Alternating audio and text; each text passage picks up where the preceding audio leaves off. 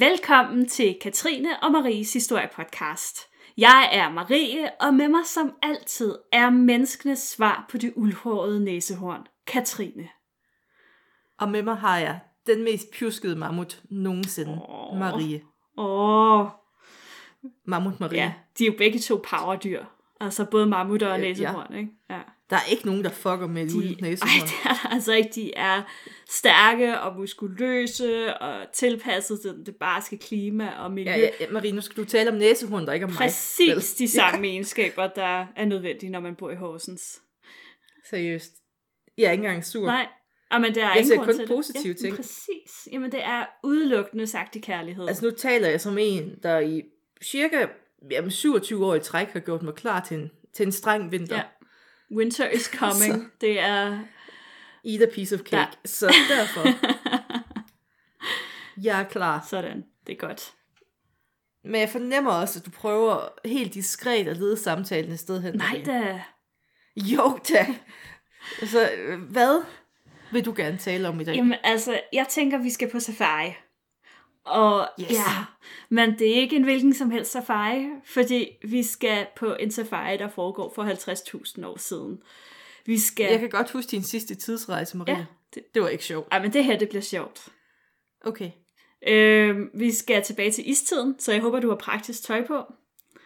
Øh, Marie, jeg har aldrig ikke praktisk tøj på. Altså, øh, det som lytterne ikke ved, det er, at øh, Katrine har sjældent bukser på, når vi optager. Så, øh, så jeg vil godt bede dig om at tage bukser på. Du, skal, du bestemmer ikke over mig. Øh, jeg har vidt, jeg har shorts på i dag. Ja, okay. Altså, jeg tror måske, du skal tage noget lidt varmere tøj på. Vi skal trods alt tilbage til istiden. Og vi skal tilbage til Mammutsteppen. Det er det fedeste navn på et sted. Øhm, og vi skal selvfølgelig snakke om nogle af de dyr, som levede her. Og så skal vi snakke om, hvorfor alle de her skønne dyr, de uddøde. Dø, dø, dø. Det er faktisk sådan lidt en 50.000 år gammel morgåde. Der var simpelthen en, der gik rundt og slog dem ihjel. Måske. Altså, det lyder jo som et muntert afsnit. Det er det. Der er ikke noget som masse Nej. der kan lufte min søndag. Det, det er helt Jamen, nye det er simpelthen så opmuntrende. Men først, Maria. Ja. Nu har vi snakket om død og ødelæggelse. er der nogle nyheder i den her uge, vi skal tage fat Jamen, på? det er der. Øhm, men det er desværre heller ikke den mest mundre øhm, nyhed. Og faktisk så øh, chokerede den mig lidt, da jeg så det. Øhm, vidste du, at man i 2018 faktisk fjernede historie som obligatorisk fag på irske folkeskoler? Ja.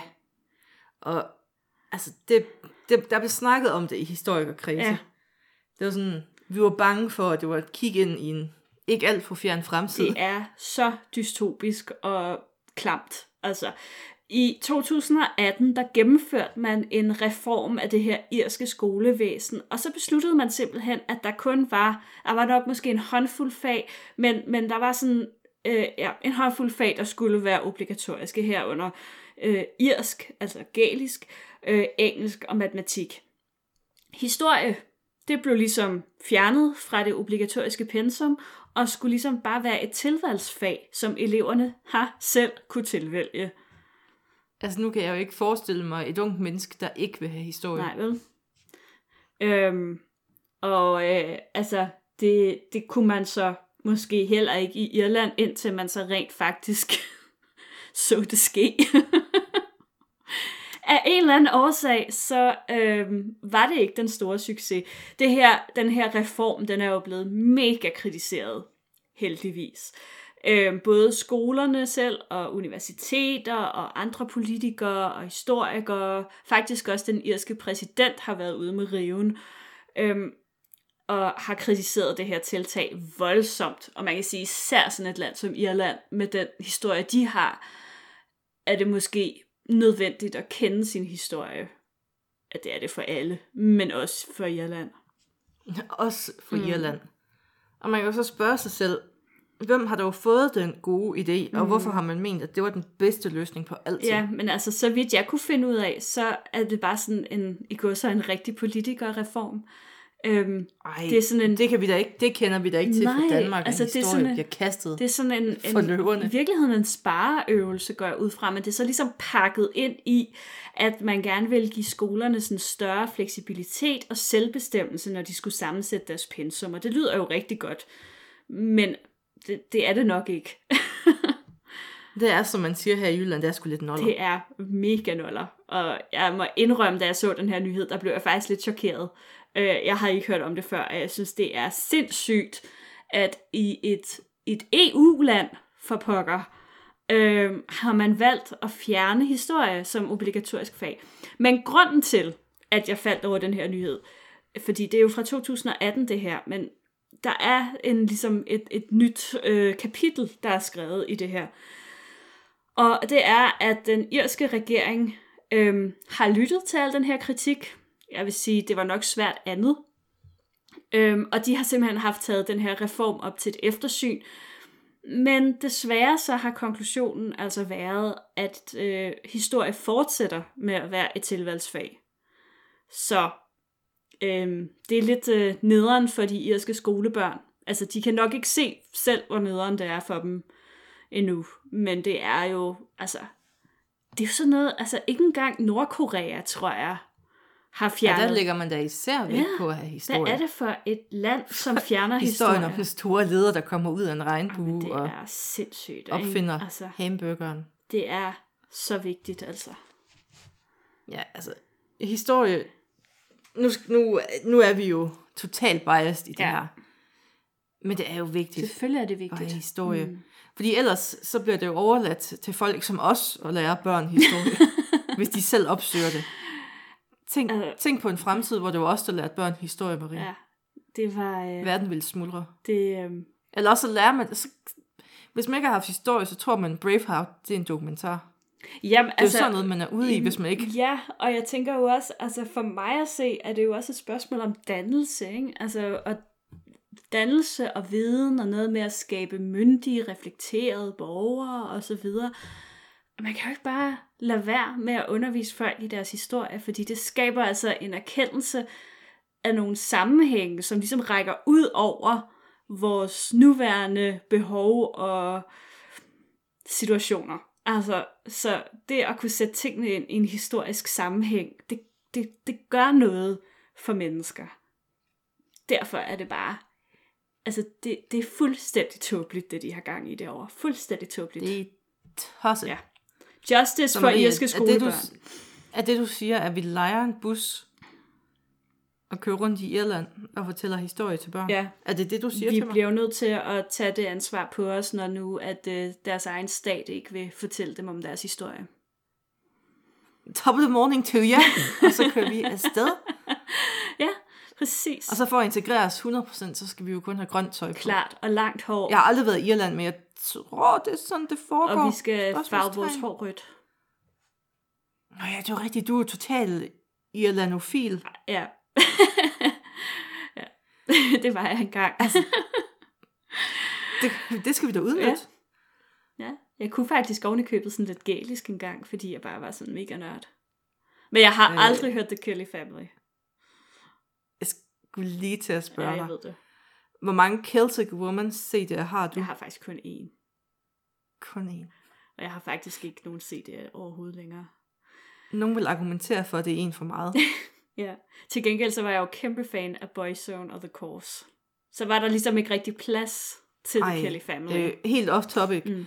Men jeg mener ham der, brugeren for The Chorus, han er blevet en Coco Bananas kristen. Det er rigtigt, det er han.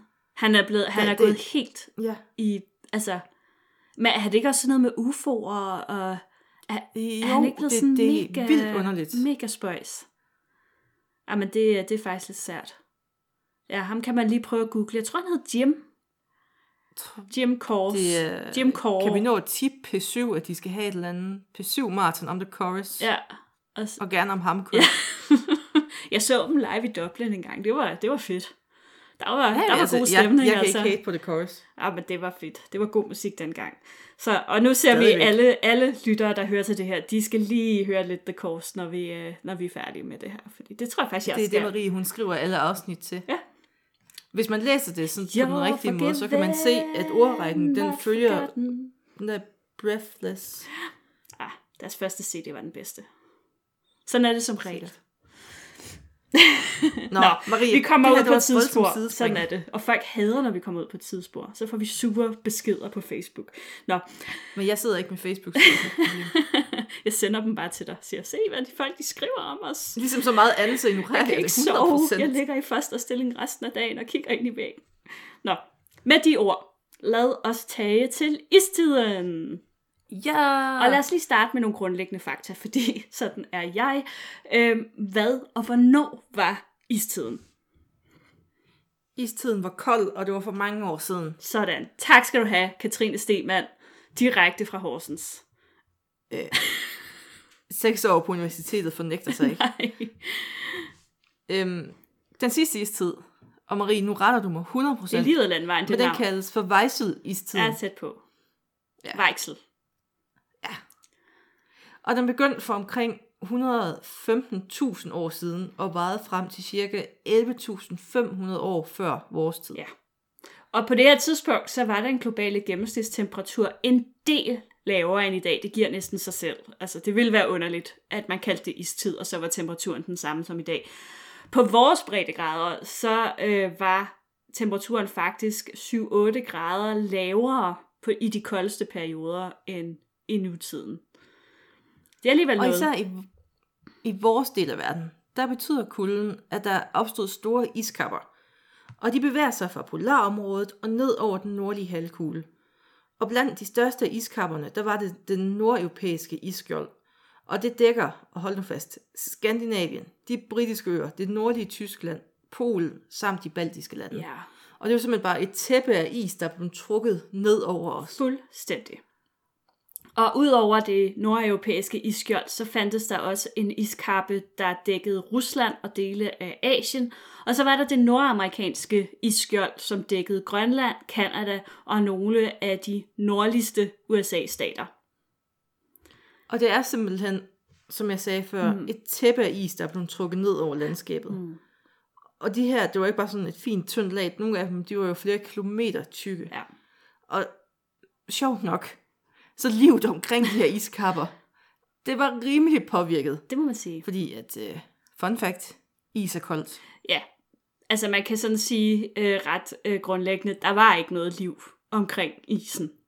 Fordi det kunne der ikke være. Nu har jeg set Ice Ace, Maria. Mm. Den er ikke historisk korrekt. Når de her iskapper, de voksede, så sugede de så også en masse vand til sig. Altså man kan ligesom forestille sig sådan at lægge en svamp i en vandpyt, ikke? Sådan... Mm. Og det betød... Vil lige lave den lyd igen? Nej. Øh, det betød simpelthen, at øh, vandstanden i verdenshavene, den faldt, og der opstod nye landområder. Det var sådan, man kan næsten sige, at det var som en kompensation for de landområder, som isen den ligesom dækkede. Ja, man kan jo så tro, at Danmark bare altid var fuldstændig dækket af is. Men sådan var det faktisk ikke hele tiden. Nej, det var det faktisk ikke, fordi, altså, hvis man nu også ser på det, istiden den varede i omkring 100.000 år, ikke? Og i løbet af de her mange, mange tusind år, så fandt der en masse store og små klimaforandringer sted. Der var perioder, hvor Danmark var helt dækket af is, men der var faktisk også perioder, hvor Danmark var helt isfrit. Faktisk så er der kun altså, to gange, hvor Danmark er fuldstændig dækket af is i løbet af de her cirka 100.000 år. Mm. En af perioden, det var sådan fra cirka 75.000 til 60.000 før vores tidsregning. Og sidste gang, det var fra 22.000 til 18.000 år før vores tidsregning. Mm. Og resten af tiden, der var landet faktisk sådan nogenlunde isfrit. Ja, Tendenserende til helt isfrit faktisk. faktisk ja. Ja, og isranden, altså kanten af det her tæppe, det lå flere hundrede kilometer nord for Danmark. Ja. Og det betød jo, at, at, at der ligesom var altså, liv, der kunne vandre herhen, kan man sige. Fordi der var ligesom grundlag for, at man kunne, kunne leve her, når isen lå så langt væk. Men det betyder jo så ikke, at Danmark lignede det Danmark, som vi kender i dag. Langt fra, faktisk. Øhm, på grund af den lave vandstand i havene, så fandtes hverken Østersøen, Nordsøen eller nogle af bælterne, eller særlig mange andre have faktisk. Danmark var en, var en del af et kæmpestort sammenhængende steppeområde, som strakte sig fra Vesteuropa til Sibirien og hele vejen til Nordamerika. Og Danmark og England udgjorde så sådan den nordligste del af det her steppeområde, så lå isen sådan deroppe omkring, hvor, hvor Norge begynder, ikke? Ja, og selvom, altså vi var ikke dækket af is, mm. men det var stadig hundekoldt. Ja. Altså vintrene, det er tocifrede minusgrader, vi snakker om. Og gennemsnitstemperaturen om sommeren, den, altså nu vil jeg jo sige nærmest normalt dansk sommer, men 10-15 graders varme. Ja, altså, Så cirka det, vi har nu her i oktober, faktisk. ja, det kan man faktisk sige. Det er jo sådan nogenlunde maks temperaturen om sommeren, ikke? Ja. Ja, og, og så modsat oktober lige nu, Mm. Så var det knastørt. ja, der var ingen nedbør whatsoever. Fordi der var jo ikke noget vand. så der Nej, var det ligesom... den cyklus der, den var der den ikke var rigtig. der ikke. Så der var ikke rigtig noget, der kunne regne. Det var meget nemt. Nå, men øhm, det her steppeområde, det kalder man jo så for mammutsteppen. Og det var en Nice. Ja, det er et fedt navn. Og det var sådan en åben græsslette, men sådan afhængigt af afstanden til isen, og den, den varierede jo lidt. Altså det var jo de her 100.000 år, så nogle gange trak den lidt længere sydpå, nogle gange trak den lidt længere nordpå. Og alt efter, hvor den ligesom lå, så kunne man måske godt finde sådan buske og krat, og måske sådan enkelte små skovområder med birke og fyretræer. Hvis man ligesom skal have sådan et indtryk af, hvordan den her steppe har set ud, så skal man måske kigge på vores dages, øhm, jamen, altså sådan Mongoliet, eller øh, de der områder, hvor vi havde om, øhm, hvad var det hun hed, hende der isprinsessen fra Altai. Altså den, de der steppeområder, vidtstrakte steppeområder med permafrost i virkeligheden. Der har formentlig været permafrost her også.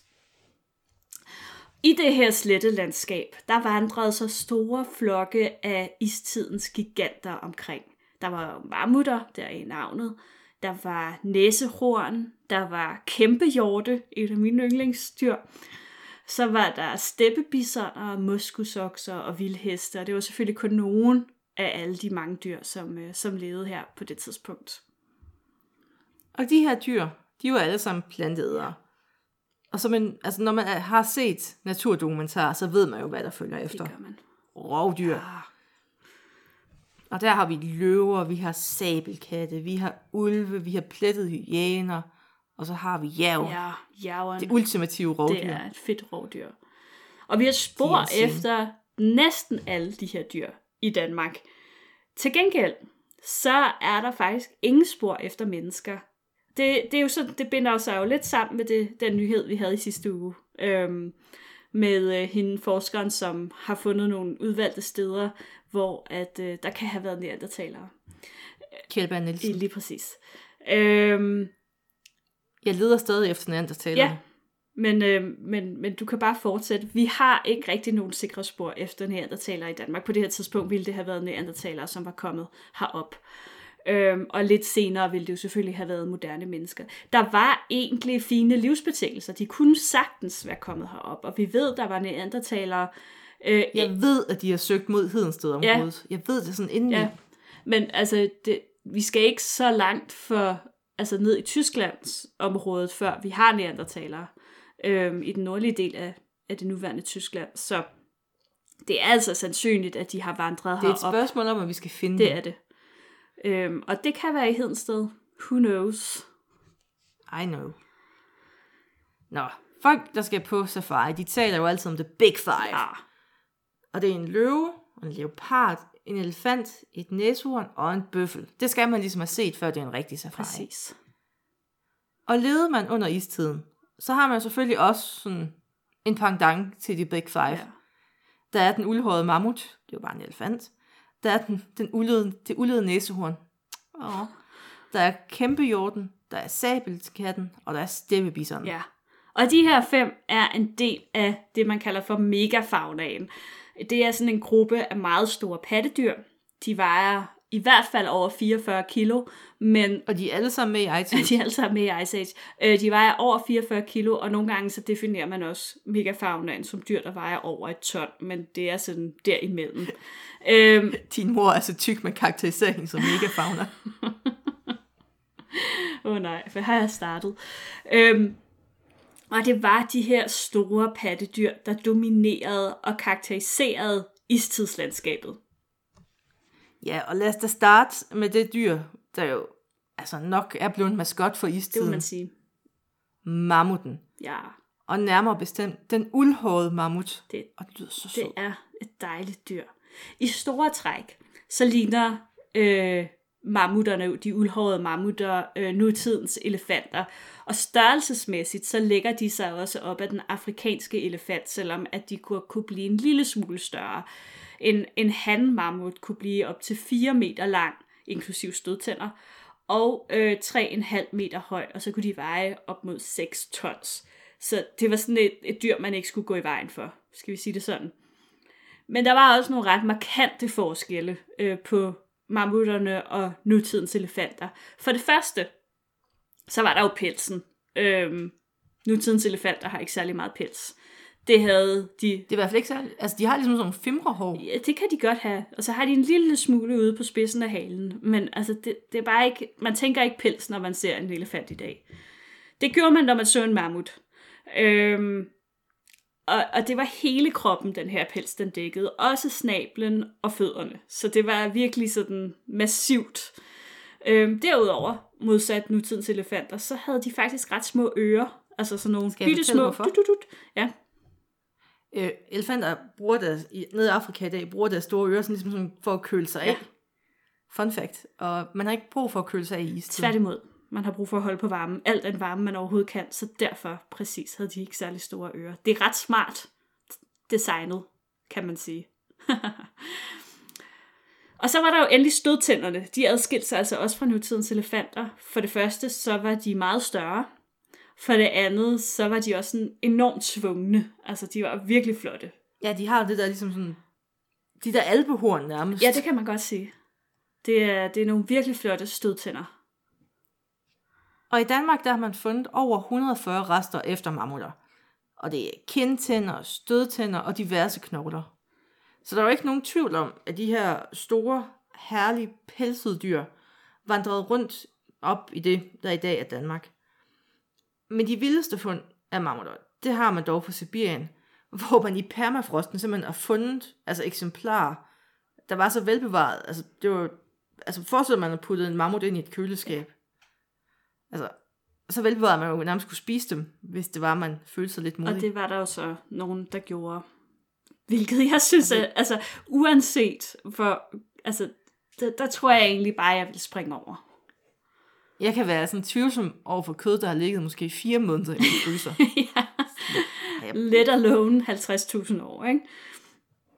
Jeg tænker, efter tusind år, så gør det ikke nogen forskel. Ej, det kan nok være. Så er det ligesom, ja, altså efter sine der er sådan flere af de her istidsdyr, som man jo så har fundet sådan i permafrostområder, og hvor forskerne så har spist af dem, og ligesom brugt dem i madlavning, og altså, det er virkelig mærkeligt, synes jeg for det første, hvorfor man gør det, øhm, og for det andet, vælger historien så ikke rigtig noget om, om der er nogen af dem, der sådan har fået lidt ondt i maven bagefter, eller sådan et eller andet, det, det ved jeg ikke. Men jeg skulle altså ikke nyde noget af at spise de her mammutter. Jeg vil i øvrigt lige sige, at øh, så vidt jeg har kunnet finde ud af, så var det seneste fund af mammut i Danmark faktisk på Falster. Mit hud. Øhm, I 2009, der var der en øh, mand på Falster, der fandt en mammutstødtand i en grusgrav op på Nordfalster. Så Fedt. øh, det, er, det, var, det, var, det er et ret fedt fund. Endnu en ting, som det ikke var dig, der fandt. Endnu en ting, som det ikke var mig, der fandt. Jeg leder heller ikke aktivt efter mammutstødtænder, vil jeg så sige. Hvis jeg gjorde, så kunne det være jeg. Hvad leder du overhovedet aktivt efter efterhånden? Min motivation. Min livsgenist. Du er virkelig ikke Indiana Jones for tiden. Nå, men mammutter. Øh, altså, udover den her uldne pels og de her små ører, som selvfølgelig var med til, at de var tilpasset istiden, så havde de jo også et, et tykt fedtlag under. Og, altså deres hud i sig selv var 3, øh, 3 cm tyk. Og så havde de et 8-10 cm tykt fedtlag inde under huden. Så altså, de har nok også forekommet at være sådan lidt mere, øh, jeg vil sige bulky, i mangel af et godt dansk ord. De har været, de har haft store knogler. Ja. Altså, hvis man skal tage et eksempel, så kan vi lægge et billede af mit ben op. Præcis. Winter has come, Marie. De her ben har ikke set en skraber i en Åh, måned. det er smukt. Vi går altid ind for naturlighed. Øhm, og, og mammuten, den forsvandt jo så. Den uddøde, og det gjorde den på det europæiske kontinent for 12.000 år siden. Så det var sådan cirka lige omkring der, hvor at, øh, at istiden den sluttede. Men der var faktisk en lille bestand af mammutter, som overlevede op på en, en lille ø i det nordlige Kanada, og der overlevede de faktisk helt frem til 1700 før vores tidsregning. Det synes jeg er ret vildt. 1700 før vores tidsregning, det er der, hvor bronzealderen går i gang i Danmark. Altså, ægtvedpigen, hun er sådan omtrent, øh, hun er lidt yngre, men det er sådan der omkring. Altså, havde hun rejst op til den der ø, så havde hun potentielt kunne møde en mammut. Det synes jeg er rimelig crazy. Mind blown. Ja. Nå, Marie, vi kan ikke dvæle ved mammut. Åh, vi vil ellers gerne. Vi skal videre til min personlige favorit. Ja. Det uldhårede næsehorn. Ja, det er dejligt. Og den er altså også... Altså, den er sgu også karakteristisk. Det må man sige. Nu, nu, det, Ja. den, den er bare fin. Den er fin, og det... Nu har jeg jo et blødt punkt for næsehorn generelt, Ja. men så når de får pels, Ja, endnu bedre. sådan en lille uldhåret nussebusser. Øh, Ja. og, og ligesom mammuten, så vandrede øh, det uldhårede næsehorn også rundt heroppe i Danmark. Øh, vi har også fundet spor efter den. Øh, ikke helt lige så mange som med mammuten, men, men dog tilstrækkeligt til, at man, man siger, de, de var her også. Øhm, og i store træk, så lignede den også sine nulevende artsfælder. Eller hvor, hvor mange der nu er tilbage af næsehorn. øhm, forskellen, Justice for næsehorn. forskellen var selvfølgelig igen pelsen. Øhm, og så var den faktisk også noget større end de nulevende næsehorn. Den kunne blive op til 4 meter lang og være 2 meter høj, og så kunne den veje 2-3 tons. Og så, Så høj bliver jeg aldrig. nej, det gør du altså ikke. Øh, Så tung måske, hvis jeg tager mig sammen. Ja, altså hvad du ikke har i højde, kan du så måske lægge dig til i drøjde. Få i drøjde. Ja. Det er mit Det motto. eneste nulevende eksemplar af et uldhåret næsehorn kan findes i Hedensted, Horsens område. Jeg, jeg er et horn fra. Du er et horn fra det. Øh, modsat de nulevende artsfælder, så havde det uldhårede næsehorn faktisk øh, to store horn, hvoraf det, det, der sidder længst ude på, hedder det en snude, når det er et næsehorn? Eller mule? Det ved jeg faktisk ikke. Jeg tror faktisk, det hedder en, En mule. mule, ja okay. Øh, det, var, øh, det var meget stort. Øhm, og man har lavet sådan nogle slidsporsanalyser på de her øh, horn, så man har en idé om, at de brugte det her næsehorn til ligesom at rydde jorden for sne, så de kunne komme ned til det der græs øh, altså, eller lav. Eller De hvad havde faktisk bare en sneskovl på næsen. Det var en sneskål, de havde på næsen, ja. fedt. Og så var den jo, ligesom næsehorn i dag, sådan lidt af en Det må kraftkæle. man sige. Og den har spankuleret rundt på mammutsletten, som om den ejede stedet. Fordi det gør næsehorn. Det gør de helt sikkert. Og altså, man, man udfordrer bare ikke sådan en. Det gør man ikke. Ikke hvis, ikke hvis man har sit liv kær. Og det er faktisk en lidt sjov pointe, fordi at vi kommer lidt ind på det senere, men der er jo rigtig mange af de her istidsdyr, som jo var på menuen hos de tidlige jæger. Mammutter var et yndet byttedyr, kæmpe hjorte var yndet byttedyr, steppebison. Men, Haps, haps. men øh, næsehornet, not so much, åbenbart. Der er ikke fundet spor efter, så vidt jeg kunne læse mig frem til, at de har spist næsehorn. Så Det kan jeg kræfte med godt forstå. dem gik man altså ikke lige efter. De var lige en tand for, for vilde. Lidt for meget modstand. Ja, Men kæmpe hjorten derimod, ja, den var på menuen. det var den i allerhøjeste grad. Og den, altså, forestil jer en stor hjort med et kæmpe gevir. Altså, Mm. virkelig stort. Altså, en kronhjort i Danmark i dag, den gevir vejer sådan 10 kilo ish. Ja. Men geviret på en kæmpe hjort, det kunne altså bange op på omkring 45 kilo. Og så blev det også lige 4 meter bredt. Det er ret vildt. Altså selv, Marie, hvis vi to lagde os ned i forlængelse af hinanden, mm. så kunne vi måske lige med strakte arme nå derop. Tror du virkelig? Ja, måske. Hvis vi gjorde så Ja, langt ja, jeg som tror- muligt over hovedet. Ja, hvis vi, hvis, hvis vi strækte os begge to og lagde os ned. Men det, altså prøv lige at overveje 4 meter. Prøv lige at tage et målebånd og lægge det ud i stuen. Og se, hvor langt 4 meter er. Og så forestil dig, at man render Forestil dig, at skulle hænge det op. Ja, hvem har en væg, der passer til sådan et gevir? Ikke mig. Og det kræver altså virkelig også sin hjort at rende rundt med sådan et gevir. Det er jo faktisk det største gevir, der nogensinde har siddet på et levende væsen, vil jeg lige sige. Øhm, og det er jo også en del af grunden til, at det er sådan de her kæmpe istidsdyr og så videre. Ikke? Nå, men det kræver sin hjort at have sådan et gevir på. Øhm, en almindelig voksen kronhjort, så nogle af dem, vi møder ude i dyrehaven, øhm, Københavner-reference, er øh, cirka halvanden meter høj og vejer cirka 150 kilo. Øhm, kæmpe hjorten. Altså nu taler jeg, når jeg siger halvanden meter høj, så er det op til skulderen, ikke? Fordi det er klart, så er der måske et hoved og sådan noget sådan. Der var lidt højere. Så er der måske et hoved. Der er som, Marie, ved du, hvad en hjort er? der er som regel et hoved. De har som regel et hoved. Øh, kæmpe hjorten, den havde, var to meter høj op til skulderen. Og så kunne den veje op til 700 kilo. Så det har Det er jo altså... det, man på en hest vil kalde et stangmål, Marie. Ja, men det ved jeg ikke noget om, det der. Det er dig, der er hestepigen af os to. Dejligt. Ja. Øhm, og altså, så det, det var vidderligt en kæmpe hjort. På mange måder. Og hvis man har spillet Far Cry Primal, så ved man, det er en lortehjort. Ja. Apropos øh, et af vores hængepartier. ja men øh, vi springer over hængepartierne og går videre til det næste dyr på safari. Ja. Steppebison. Ja. ja. Og ligesom altså, de andre dyr, så er, ligner den meget sin slægtning, mm. vi har i dag. Mm. Men i, altså, i traditionen af megafauna, så var den sådan lige lidt mere, altså, lille. lidt mere bulky og lidt kraftig. Altså forestil dig en bodybuilder ja. bison. Ja. Og der er det så, at, at alle de skal google Blue Baby. Og det kan du også godt gøre. Øh, skal jeg gøre det nu, så du kan få min direkte reaktion? Ja, gør det. Blue Baby du er en, øhm, en steppebison, som blev fundet op i Canada.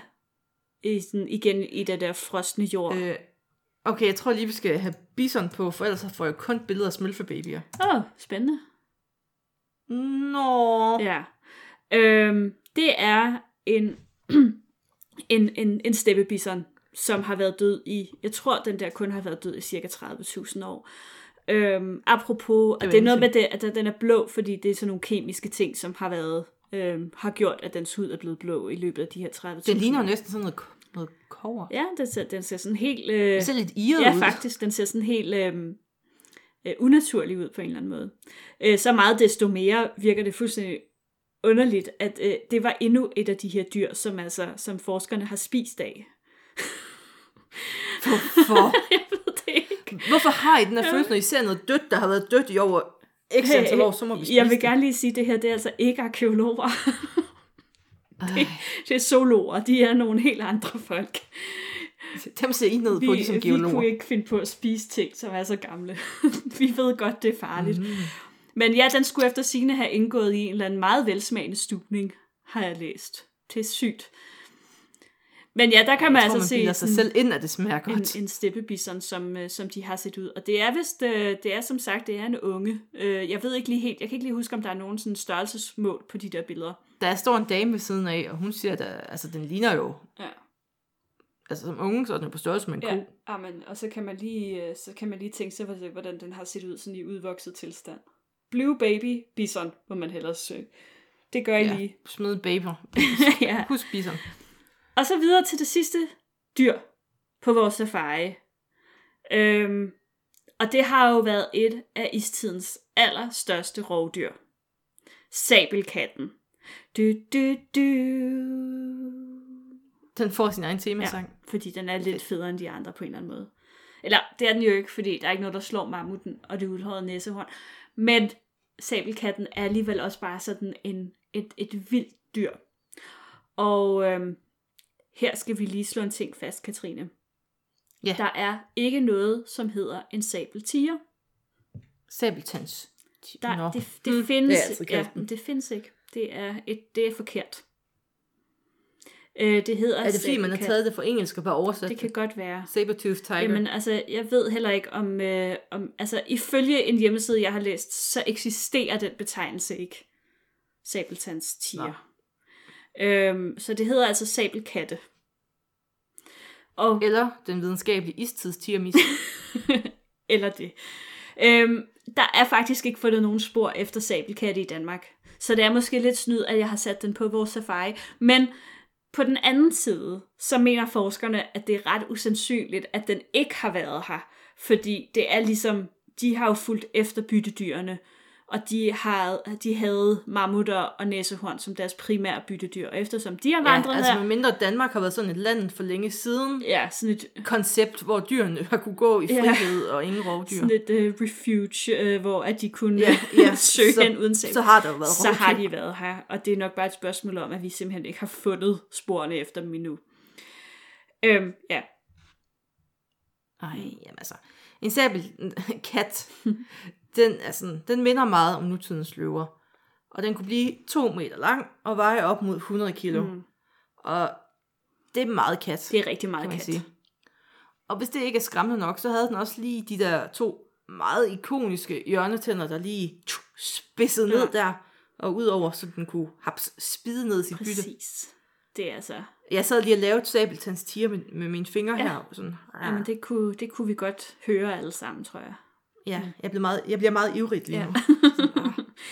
Det var, det var, det var The Big Five, øhm, som du jo ville kunne møde, hvis du sådan en dag besluttede dig for at vandre ud over Mammutsletten i det område, som vi kalder Danmark i dag. Rejste du længere sydpå, så vil du jo også kunne møde hulebjørne og huleløver, men altså takket være vores geografi heroppe, vi har altså aldrig rigtig haft sådan de store huler og hulekomplekser herop, så har de altså ikke rigtig bevæget sig herop af. Øhm, der har dog formentlig været bjørne. Sådan almindelige bjørne, brune bjørne. Og faktisk læste jeg, det var lidt sjovt, faktisk har man spor efter, en, man har spor efter isbjørne. Ja. Så der har muligvis også været isbjørne. Alle de dyr. Sådan op, op i den nordlige del, sådan op omkring det der sted, hvor isranden har ligget, ikke? men lige der på grænsen mellem is og... Sådan i virkeligheden det miljø, som vil passe til isbjørn i dag. Herligt. Mhm. Mm-hmm. Men Marie, ja. nu skal vi så videre til noget, der ikke er så herligt. Ja. Hvorfor der ikke er mammutter i Danmark i dag, Ja, til min store ærgelse. ja men det er også rigtig ærgerligt. Ja, fordi for omkring 11.500 år siden, der sluttede istiden. Og temperaturerne de stiger, og isen den smelter som resultat deraf. Mm. Og stort set hele istidens megafauna, den uddør. Altså den uldhårede mammut, den sveder. Næsehornet sveder også. Kæmpehjorten tænker, hvad skal jeg gøre af mit store hoved? og steppebisseren og sabeltands, sabelkatten, undskyld Marie, Mhm. De er også sådan lidt, what? Fordi sabelkatten, hvis den ikke kan spise de store byttedyr, så er den sulten. Ja, Så dør den ja. store. Og, og i mere end 100 år, så har det altså været en gåde, som sådan har fået forskerne til at klø sig i skægget. Hvad er det, der sker der ved istidens slutning, som gør, at alle de her store dyr forsvinder?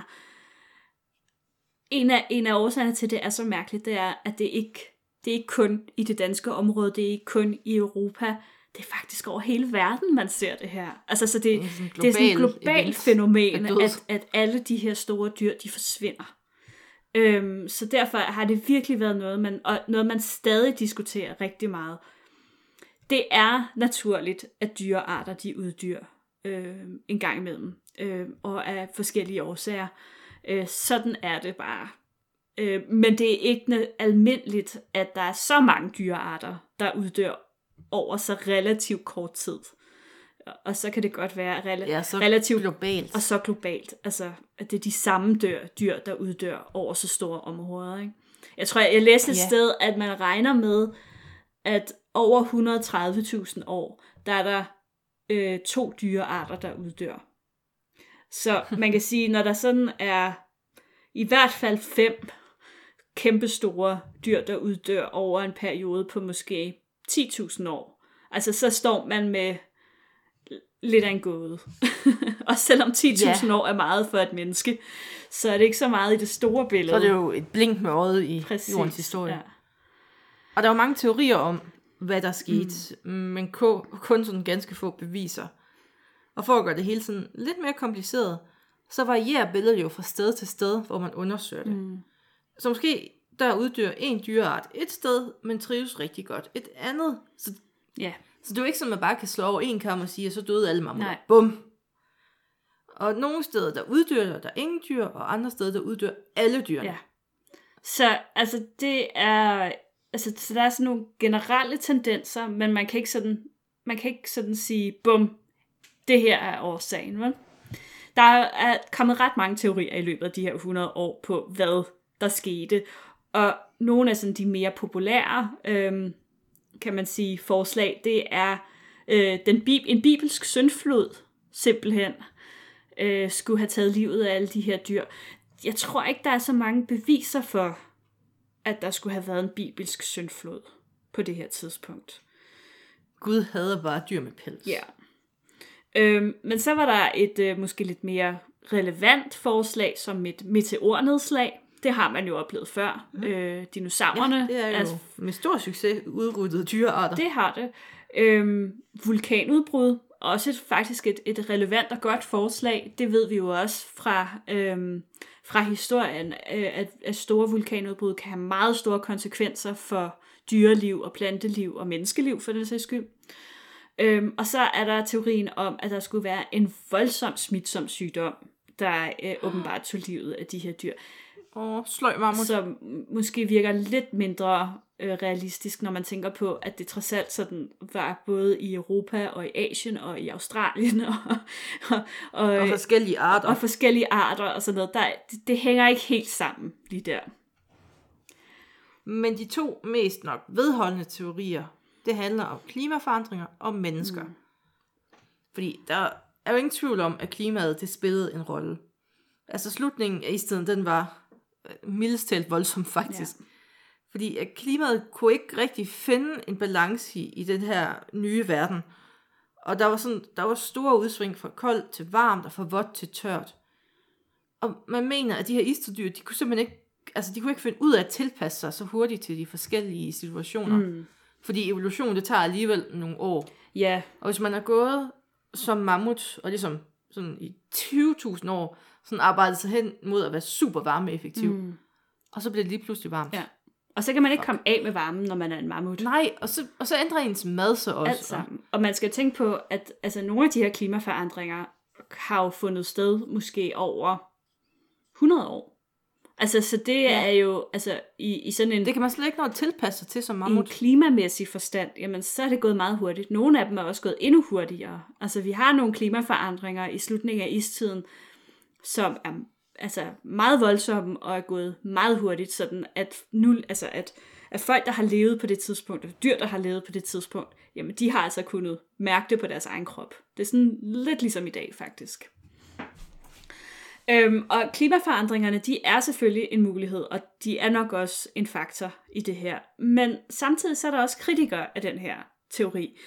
Og de siger, at ah, men altså, på den anden side, så har de her dyr jo levet over 100.000 år. Ikke? Mammutter og næsehorn og alle de andre, de har jo allerede overlevet ekstreme klimaforandringer. Der er jo ikke, næsten ikke noget så ekstremt som en istid. Øhm, og de, de klimaudsving, som er under en istid, kan være ret ekstreme. Øhm, og derfor mener mange, at det simpelthen er usandsynligt, at, øh, at, at de ikke skulle kunne tilpasse sig et nyt klima, og at det derfor ikke kan være årsagen alene. Men så har vi også jokeren, vi kan smide ind. Ja. Mennesket. Uh. For omkring 40.000 år siden, der begynder mennesket at sprede sig i Europa. Altså først som neandertaler, og siden som, ja, som os, ja. homo sapiens. Ja. Og er der noget, vi er gode til, Marie, mm. så er det at fuck det op. Det, det er vores spidskompetence. Uh, det må man jo nok sige, hvis man sådan ser Ja, på... vi er ikke sådan rigtig sådan det stærkeste dyr, Nej. eller det hurtigste dyr.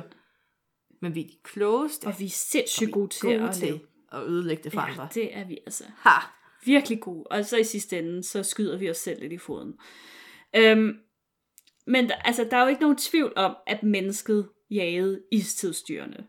Mammutter og kæmpehjorte, som jeg nævnte før, jamen de var især populære byttedyr, og det ved vi, fordi for det første så finder vi jo utallige øh, knogler og alt muligt på de her øh, bopladser eller i hulerne, hvor de her mennesker har levet. Men der er jo også hulemalerierne, som vi jo eventuelt kan snakke lidt om efter banjon, øh, hvor man jo har de her afbildninger af jagtscener simpelthen. Så vi ved jo, at de har jaget dem, og de har jaget dem i stor stil.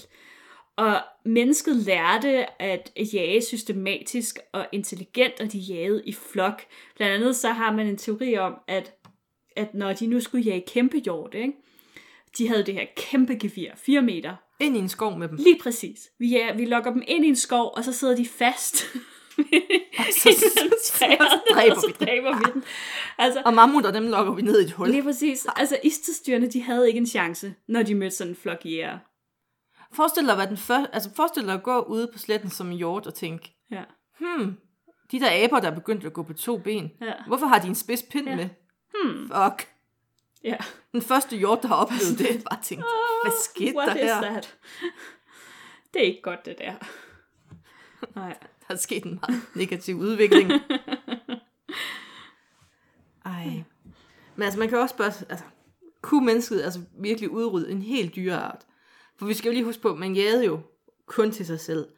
Og der, der var også begrænset, hvor mange mennesker der var, trods alt. Ja. Og altså, man kunne jo heller ikke altså, gemme maden, så man, altså, det var jo virkelig fra jord til bord, Det princippet. sige. Så med mindre, at man bare har tænkt, nu vil jeg ud og jage det her potentielt livsfarlige dyr for sjov, Ja. så virker overudnyttelse måske sådan ikke super sandsynligt. Altså det er i hvert fald, når man sådan ser på, hvordan jæger samlere, de sådan generelt lever, og hvordan man regner med, at de her istidsjæger har levet, jamen, så virker det meget usandsynligt, at man vil spille god mad på den måde. Altså, for man ved jo potentielt ikke, om man kan få mad næste dag. Nej, man ved sgu da ikke, om der går en mammut forbi i morgen. Nej, altså, så, så det der med bare at tage ud og slå et dyr ihjel for at slå det ihjel, det tror jeg simpelthen ikke på, at de har gjort. Og, øh, Altså, vi er jo også kloge nok til at vælge kampe, vi ved, vi vinder. Ja. Så kan man jo sige, at noget af det, som man måske øh, har gjort dengang, og som er, er den store fejl, jamen, det er jo, hvis man nu er gået efter unger, for eksempel. Øh, Nej, de er jo lette. de er jo lettere at få fat Men på, også og, og lidt, lidt mindre, øh, fordi der er måske i virkeligheden for meget kød i en øh, fuldt udvokset mammut, eller fuldt udvokset kæmpehjort. Så det passer måske lidt bedre sådan mængdemæssigt med de mindre dyr. Og så kan det jo være simpelthen, at dyrene ikke har kunnet følge med i en forplantningscyklus. Altså at, Nej, fordi hvis det ligner en elefant, så er en elefant, den er jo drægtig i været to år. Eller ja, noget. præcis. Altså, så, så måske... Jeg ved meget om elefanter, åbenbart. Jamen, det, øh, det er kun godt at vide ting om elefanter. Hvorfor ved jeg det? Men mm, altså desværre, så må vi sige, at, at det, det er virkelig en utilfredsstillende konklusion, men der er faktisk ikke nogen, der endnu sådan har kunnet løse gåden 100%. Øhm, vi ved simpelthen ikke med sikkerhed, hvorfor megafaunaen forsvandt. De fleste mener, at det nok er en kombination af klimaforandringer og menneskets jagt, men der er langt fra sat punktum i den her diskussion. Og efter hvad jeg har kunnet læse, øh, så faktisk især i USA, så er der sådan to lejre, som enten øh, taler for klimaforandringer, eller taler for, at det var menneskets skyld, og de ligger næsten i åben krig med hinanden. Altså, det er virkelig sådan noget med, de... Kun som også fra akademikerverdenen Ja, kan gøre altså det. er sådan noget, hvor at øh, bølgerne går virkelig højt til deres konferencer, og folk næsten kaster med ting og så videre. Altså det, Altså, hvis man skal prøve action, kold, koldkrigskonferencer i Danmark, de kan altså også noget. ja. Altså, jeg, øhm, kærlighed til Ben Jensen, men når han træder ind i rummet, så ved man bare, at der kommer en diskussion. Ja. Jamen, sådan nogen har vi også inden for arkeologiens verden. Det, øh, der er altid nogen, der ligesom har en eller anden kontrær holdning. Og, øh, Jernalderens infanteri. ja, lige altså. præcis. ja. Så, øhm, Ej, skønt. Ja. Nå, Marie, ja. ja. vi sætter ikke punktum. Nej, Vi sætter en lille banjo i kort, det gør vi. og så er det simpelthen bare istids freestyling. Det er der. Måske nogle elefantfacts. Måske nogle elefantfacts. Øh, jeg kan se, at du har skrevet, at du vil lave en dundertale om klimaforandringer. Det passer med, at jeg lige kan gå ud og hente noget vand. i. og, Jeg bliver, jeg bliver Greta Thunberg. Marie har været inde og se. Og, jamen, det bliver godt. Jamen, altså, 1, 2, 3, cue the banjo. Nå. Ja. Mulle, Ja. Skal jeg fortælle om Tror den du- gang, hvor jeg var i Frankrig? du fortæller jo tit om det, men øh, til dem, der ikke har hørt det. Marie har været i Frankrig. Ja, det er ved at være en del år siden faktisk. Men øh, jeg, var i, jeg var i Sydfrankrig, og jeg var inde og se huler med hulemalerier. Øhm, og det vil jeg jo, altså, det vil jeg anbefale alle, som har en, øh, en interesse i det her at gøre. Fordi det var en kæmpe stor oplevelse. Men det var jo ikke kun hulemalerier, som man ser, når man er inde i de her huler. Øh, fordi der har jo som sagt også levet hulebjørne og huleløver, og de har jo også levet inde i de her huler. Og dem ser man også sporene af. Og der er et eller andet... Der, er- der er noget, som... Altså det... Jamen, hvordan skal jeg forklare det? Jeg vil næsten sige... Blast from the Ja, past. men det var... Altså, jeg fortæller ofte om det her, hvis- når folk gider høre på det, og nu har folk ikke noget valg. Øhm, eller jo, de kan bare slukke. Men, men for mig var det næsten sådan en spirituel oplevelse, fordi der var en af de her huler, hvor vi blev kørt ind øh, i sådan et lille tog. Og jamen, det var, det var, Det er et jamen, det var så fint. Og man, kø, man skal jo ret dybt ind i det her bjerg, i de her huler, og man kører på det her lille tog, øh, og undervejs så stopper guiden, så der er jo bælmørkt, ikke? og det er koldt, og han stopper så, og så har han sådan en lygte med, og så lyser han så på sådan ting, man skal se, og så videre. Øhm, for eksempel de her hulebjørnereder med krassemærker i væggene, og det ser jo bare ud som om, at hulebjørnen lige er gået. Øhm, men det er så måske 100.000 år siden, den var der, eller sådan et eller andet. Altså, det er helt sindssygt. Og så kører man videre ind, og så kommer vi så til det store rum, hvor at, at han så kan tænde nogle lamper, og så oplyses den her næsten sådan katedralagtige hulerum, hvor der er de der hulemalerier, og det er helt fantastisk. Øhm, de her, de var bare lavet sådan i, i, i sorte stregtegninger, men det gjorde ikke en ting til, de var helt fantastiske alligevel. Og så var der de her hulebjørnereder, øh, så der var dem, der var 100.000 år øh, gamle, og så var der hulemalerierne, som måske var 50.000 eller 40.000 år gamle. Og så var der øhm, så var der også graffiti derinde, som var sådan fra middelalderen og sådan noget, øh, fra, fra folk op Typisk gennem folk fra tiden, som har været derinde og sagt, Åh, jeg var her. Øh, men på en eller anden måde, så var det jo hele sådan, det hele var på én gang, og samtidig, så på en eller anden måde blev tiden ligesom sat ud af spil, ikke? fordi vi var der samtidig på, på en måde. Det var, det var en meget speciel oplevelse. Jeg, jeg synes, at, øh, at, at man skal gøre det. Altså, jeg skal helt sikkert en gang til i mit liv ned og se de her huler, og det synes jeg også, du skal, Katrine. Det er fantastisk. Man skal bare huske, at man skal bestille billetter hjemmefra. For de er jo ikke sådan åbne Ja. for offentligheden sådan generelt. Fantastisk. Ja, det er virkelig fantastisk. Har du nogensinde set hulemalerier? Nej. Jamen, så må du afsted. Det er jo noget det, altså, som gør, at vi jo også har sådan en, en god fornemmelse af, både hvordan de her dyr har set ud, men også altså, hvad, hvordan de her istidsjæger, de ligesom agerede i deres liv, kan man sige. De, de er utroligt detaljerede, de her hulemalerier, og de har jo nogle fantastiske billeder af mammutter og næsehorn og øh, løver og bjørne og alle de her ting. Så det er, det er altså virkelig en ufattelig spændende kilde til viden om istiden. Ej. Det er det virkelig. Men kan vi ikke snakke lidt mere om, hvor nuttet ulyden næsehornsbabyer har set ud?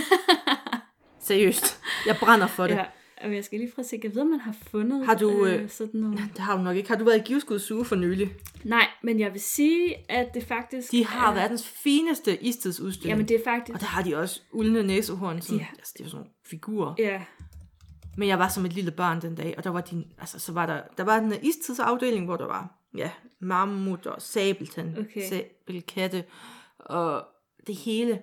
Og så var der også et sted med dinosaurer. Ikke istidsdyr, nej. men der findes billeder derfra, og jeg har aldrig set lykkeligere ud. Altså, jeg vil lige sige, hvis du googler Woolly Rhino Baby, så er der faktisk billeder af... Øh, jeg har en falsetlyd, formentlig dedikeret kun til det her. Woolly. Altså, det er jo Baby. begrænset, hvor søde de ser ud. Hvor er de fine.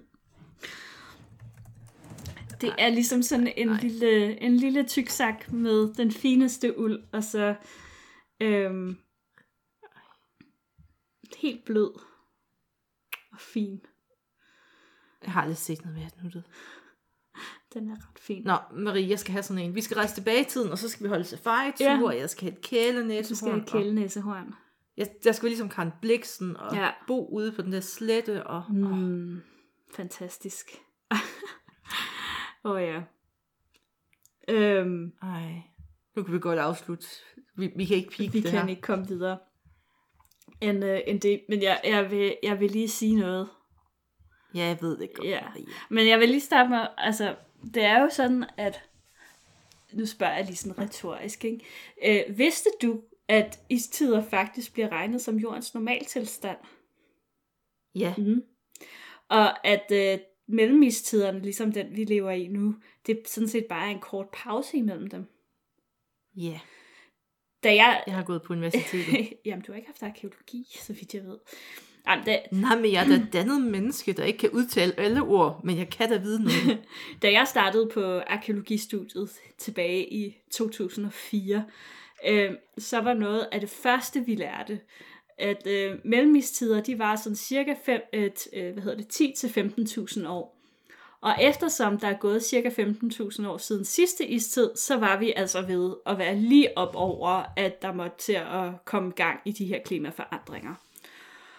Yeah. Og bada bim, bada bum. Hvad er der så sket? Øh, global opvarmning og ingen vinter. Seriøst, for tre år siden sagde jeg til mig selv, Katrine, når du kan se på vejrudsigten, der kommer tre dage i træk med sne, så går du ud og køber den vinterjakke. Ja. Jeg har ikke nogen vinterjakke endnu. nej. Men, men altså, altså, det vil folk måske også sige, at har der kommer jo ikke nogen istid for virkelig global opvarmning. Se, vi har også fucket øh, de, klimaforandringerne op. De kan ikke engang gøre det ordentligt. Men global opvarmning leder jo til kuldeperioder. For opvarmningen, Ja. opvarmningen får jo isen til at smelte, og det vil sige, at alt det her smeltevand, det ryger ud i verdenshavene. Og for vores Vi putter en isterning i verden. Lige præcis. Og for vores vedkommende, så risikerer man, at alt det her kolde smeltevand, det stopper for eksempel Golfstrømmen. Og så har vi balladen. Jeg håber virkelig, det når at ske i min levetid, for jeg elsker kulde. Ja, altså det behøver jo ikke at blive helt lige så slemt som, øh, som øh, sidste istid, øh, kan man sige. Fordi vi har jo haft sådan, vi har jo for eksempel haft en lille istid, der varede fra cirka 1350 til 1850, og der var vi jo ikke sådan på den måde dækket af is. Det var bare virkelig, virkelig, virkelig trælst vejr. Øhm, men i, nu kommer min dundertale. Ja, jeg, jeg, jeg tager lidt at Ja. drikke. Vi ses på den anden side. I hele den her klimadebat, som der jo er, og som er rigtig vigtig, der skal vi jo huske på, at klimaforandringer, de er en naturlig del af jordens cyklus. De kan også være ret voldsomme, uden at mennesker har været indblandet overhovedet i det. Øh, som vi lige har snakket om, for eksempel i slutningen af istiden, øh, har det nok været begrænset, hvor meget CO2, der har været udledt fra menneskenes side, for eksempel, der har skabt øh, klimaforandringer og global opvarmning og den slags ting. Pointen er, uanset hvor meget CO2 vi havde udledt, så var der kommet klimaforandringer uanset hvad. Det, det kan vi ikke undgå, det er en del af at leve på planeten Jorden. Det er klart, at vores forurening har betydning for, hvor hurtigt det går, og selvfølgelig skal vi, måske også hvor voldsomt det er, eller øh, bliver, øhm, og selvfølgelig så skal vi jo også leve mere bæredygtigt, og vi skal forurene mindre, og alle de der ting, det er virkelig vigtigt, at vi tager os gevaldigt sammen og laver en lidt grønnere verden. Men når folk siger, og det her det er min kæphest, når folk siger, at vi skal stoppe klimaforandringerne, så er det altså i mine øjne lige så tåbeligt som faktisk at benægte klimaforandringerne. Fordi vi kan ikke stoppe det. Vi var lige op over anyway, at der skulle ske noget med vores klima. Det er i gang. Det går hurtigere, end vi måske havde forventet. Men sådan er det. Vi kan ikke rulle det tilbage, når det først er gået i gang. Og øhm, det, som så er en rigtig vigtig lektie, når man kigger på historien, og alle de klimaforandringer, som, som øh, jorden har været udsat for, som mennesket har gennemgået, det er jo tilpasning. Og det er jo en del af det, vi skal blive gode til. Fordi vi kan jo ikke blive ved med at få, vi kan jo ikke fortsætte med at leve på den måde, som vi gør.